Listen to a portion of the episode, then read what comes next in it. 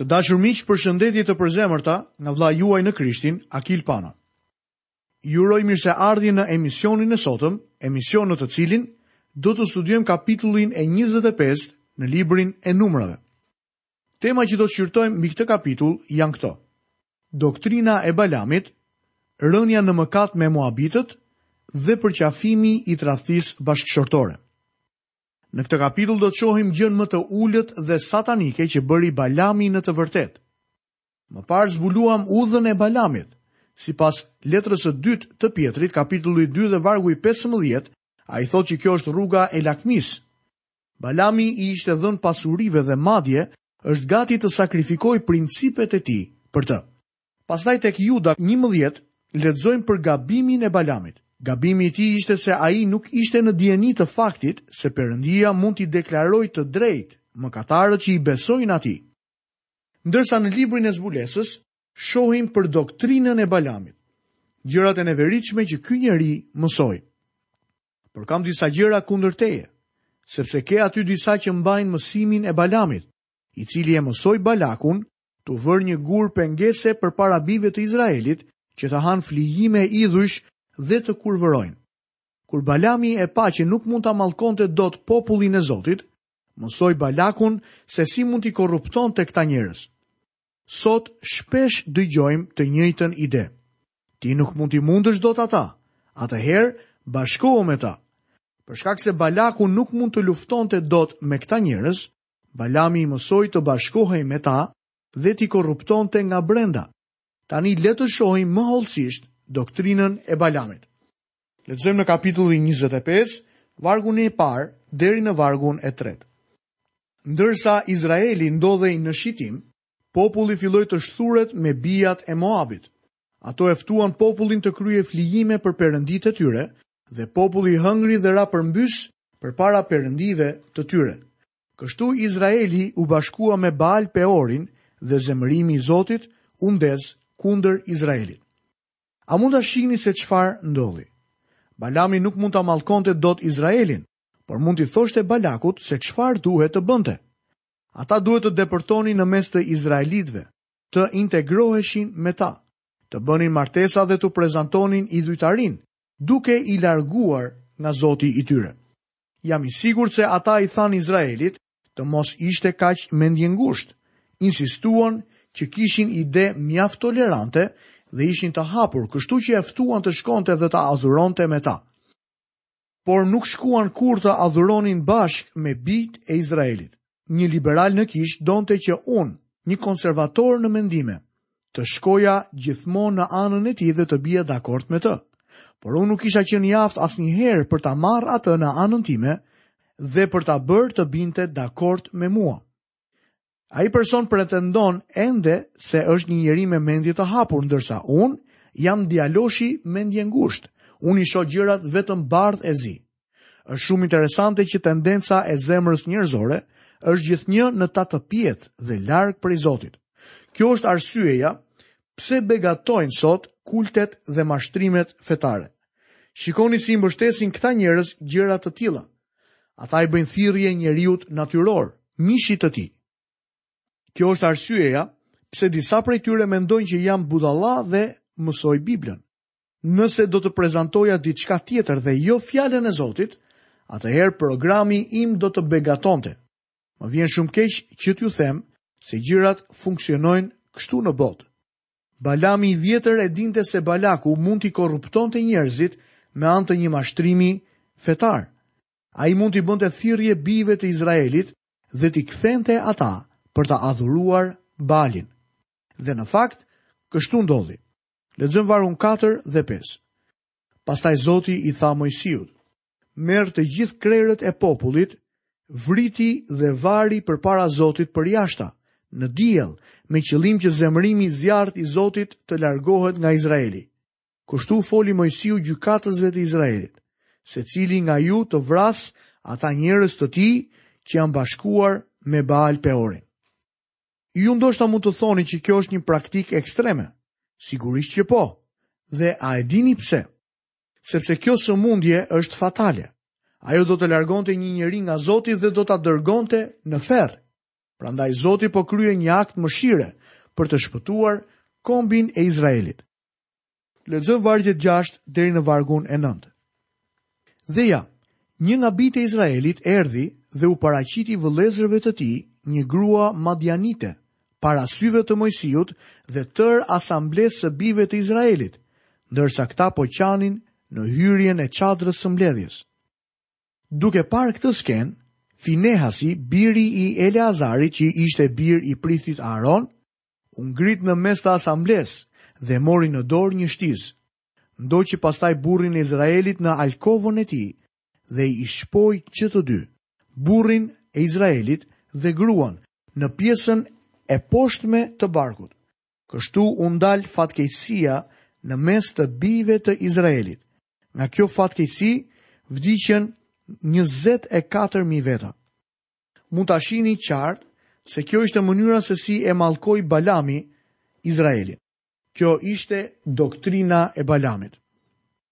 Zoti ynë na tregon tek zbulesa që e njëjta doktrinë do të hyjë në kishë, madje tashmë ka hyrë. Pikëpamja ime është se armiku nuk mund të dëmtojë njerëzit, punën apo kishën e Zotit nga jashtë. Tek libri i zbulesës, kishës në Pergamos Zoti i tha: Por kam disa gjëra kundër teje, sepse ke aty disa që mbajnë mësimin e Balamit, i cili e mësoi Balakun t'u vërë një gur pengese përpara bijve të Izraelit që të hanë flijime idhujsh dhe të kurvërojnë. Kjo ishte doktrina e Balamit. Në historinë e kishës së hershme, Pergamos ishte treguesi i bashkimit të botës me kishën. Bota u fut brenda si me anë të një përmbytjeje dhe djalli u bashkua me kishën në Pergamos. Nuk ishte persekutim nga jashtë, por ishte doktrina e Balamit brenda që e bënte kishën të vuante. Ky princip i madh është i zbatueshëm në të gjitha llojet e marrëdhënieve të jetës. Pas Luftës së Dytë Botërore në Amerikë u vendosën predha kudo. Të gjitha këto u bënë për ta mbajtur armikun jashtë. Mirëpo çfarë ndodhi? Filluan të bien nga brenda. Filloi një shkatërrim morali që nuk e kishin parë kurrë më parë. Amerika nuk po shkatërrohej nga jashtë, por nga brenda. Perandoria e Romës nuk ra nga armiqtë e saj të jashtëm. Asnjë armik i jashtëm nuk e shkatërroi Romën. E vërtetë është që kishte sulme të jashtme, por Roma në të vërtetë ra nga brenda nga armiqtë e saj të brendshëm. A keni vënë re se edhe Zoti Jezus u tradhtua nga brenda? Ai që e tradhtoi nuk ishte një ushtar romak. Ai që e tradhtoi Jezusin ishte një nga dishepujt e vet. Jezusi u tradhtua gjithmonë nga brenda. Kjo është ende e vërtetë edhe në ditët e sotme. Kjo është doktrina e Balamit, një doktrinë e neveritshme. Tani besëlidhja e priftërisë i jepet Finehasit, birit të Eleazarit, që ishte djalë i priftit Aaron, këtij personi që në të vërtetë bëri këtë akt i cili solli pajtimin, solli ndalimin e kësaj masakre në gjithë popullin e Perëndisë. Zoti i thotë Moisiut, të trazojë dhe të shkatërrojë madianitët, pikërisht kjo e mbyll këtë kapitull. Lexojmë vargjet 10 deri në vargun e 18. Atëherë Zoti i foli Moisiut duke i thënë: Finehasi, bir i Eleazarit, që ishte bir i priftit Aron, e largoi zemërimin tim nga bijtë e Izraelit, Sepse ishte i frymëzuar nga po ajo, xhelozia ime, kështu në xhelozinë time nuk i kam shfarrosur bijtë e Izraelit. Prandaj i thuaj, Ja, unë po lidh një aleancë paqeje me të, që do të jetë për të dhe për pasardhësit pas tij besëlidhja e një priftërie të përjetshme, sepse është treguar i zellshëm për Perëndinë e tij dhe ka kryer shlyerjen e fajit për bijtë e Izraelit. Burri i Izraelit që u vra bashkë me gruan Madianite, quhej Zimri, bir i Salut, i pari i një shtëpie patriarkale të Simeonitëve, dhe gruaja që u vra Madianitja, quhej Kozbi, bijë e Tsurit, që ishte i pari i një shtëpie patriarkale në Madian.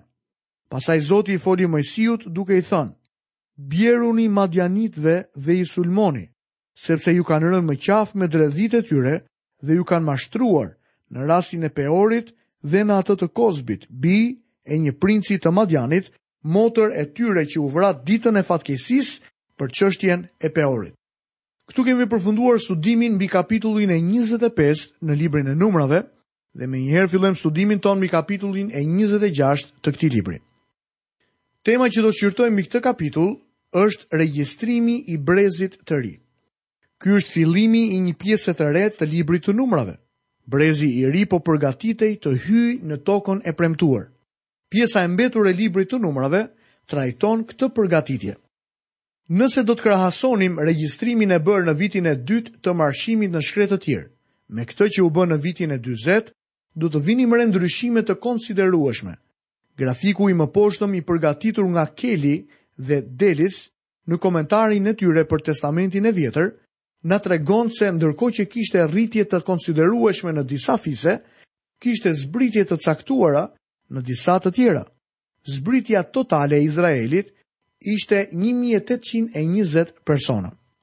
Lexojmë nga vargu i shtatë i kapitullit të njëzet e gjashtë në librin e Numrave.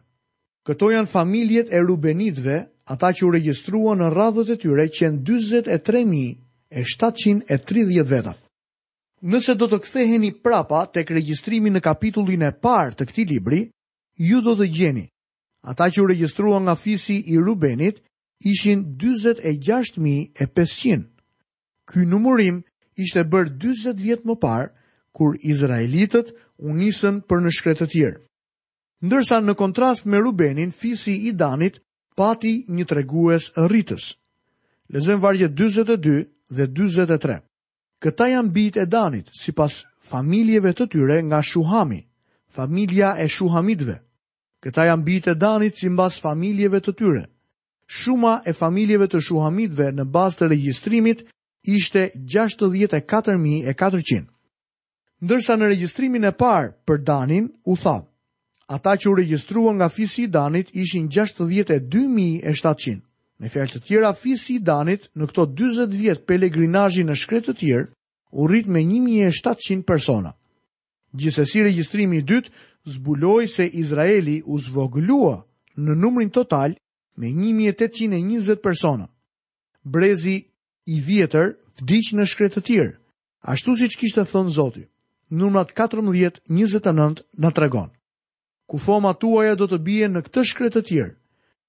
Ju të gjithë që jeni të regjistruar nga mosha njëzet vjeç e lart dhe që keni murmuritur kundër meje. Lexojmë vargjet gjashtëdhjetë e katër dhe gjashtëdhjetë e pesë. Midis tyre nuk kishte asnjë nga ata që u regjistruan nga Mojsiu dhe nga prifti Aron, kur ata regjistruan bijtë e Izraelit në shkretëtirën e Sinait, sepse Zoti pat thënë për ata. Ata do të vdesin, do të vdesin në shkretëtirë. Dhe prej tyre nuk mbeti as edhe një me përjashtim të Kalebit, birit të Jenufehut, dhe të Jozueut, birit të Nunit. Ky brez është brez i ri. I gjithë brezi i vjetër përveç Kalebit dhe Jozueut kishte vdekur. Perëndia nuk i bëri përgjegjës për dështimin dhe rebelimin në Kadesh-Barnea personat që ishin nën moshën njëzet vjeç. Kjo mund të na japë disa të dhëna në lidhje me moshën e përgjegjshmërisë. Nuk e di se kur fillon kjo moshë dhe s'ju siguroj se është njëzet, por mendoj se ndoshta është më shumë se sa supozojnë shumë prej nesh. Ky është një brez i ri me përjashtim të dy burrave. Për këta dy njerëz tërheqës do të marrim më shumë njohuri kur të mbërrijmë në librin e Jozueut. Këtu kemi përfunduar studimin në kapitullin e njëzet e gjashtë të Numrave, Dhe tani do të fillojmë studimin tonë mbi kapitullin e 27 të këtij libri. Temat që do të shqyrtojmë janë këto: Problemi i grave. Zoti plotëson kërkesën e tyre. Moisiu përgatitet të vdesë.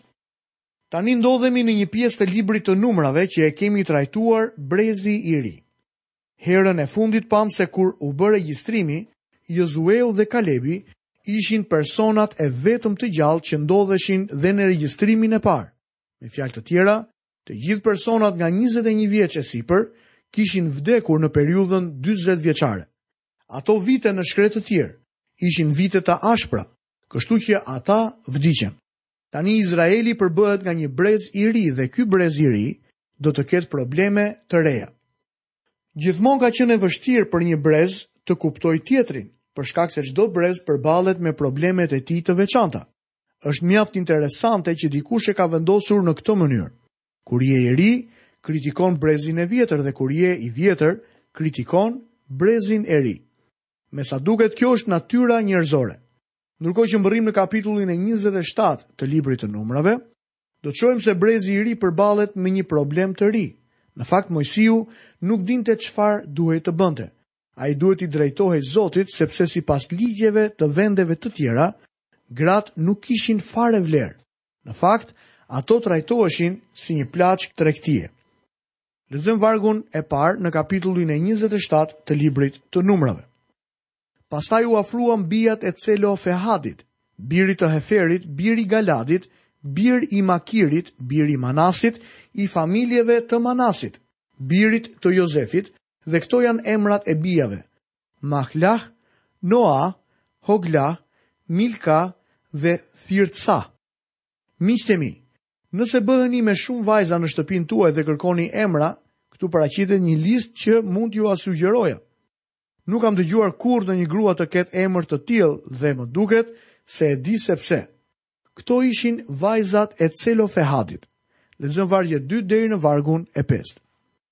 Dhe ato u paraqitën përpara Moisiut, para priftit Eleazar, prijësve dhe tërë asamblesë në hyrje të çadrës së mbledhjes dhe thanë, Ati ynë vdiq në shkretëtirë, por nuk bënte pjesë në grupin e atyre që u mblodhën kundër Zotit në grupin e Koreut, por vdiq për shkak të mëkatit të tij pa patur bij.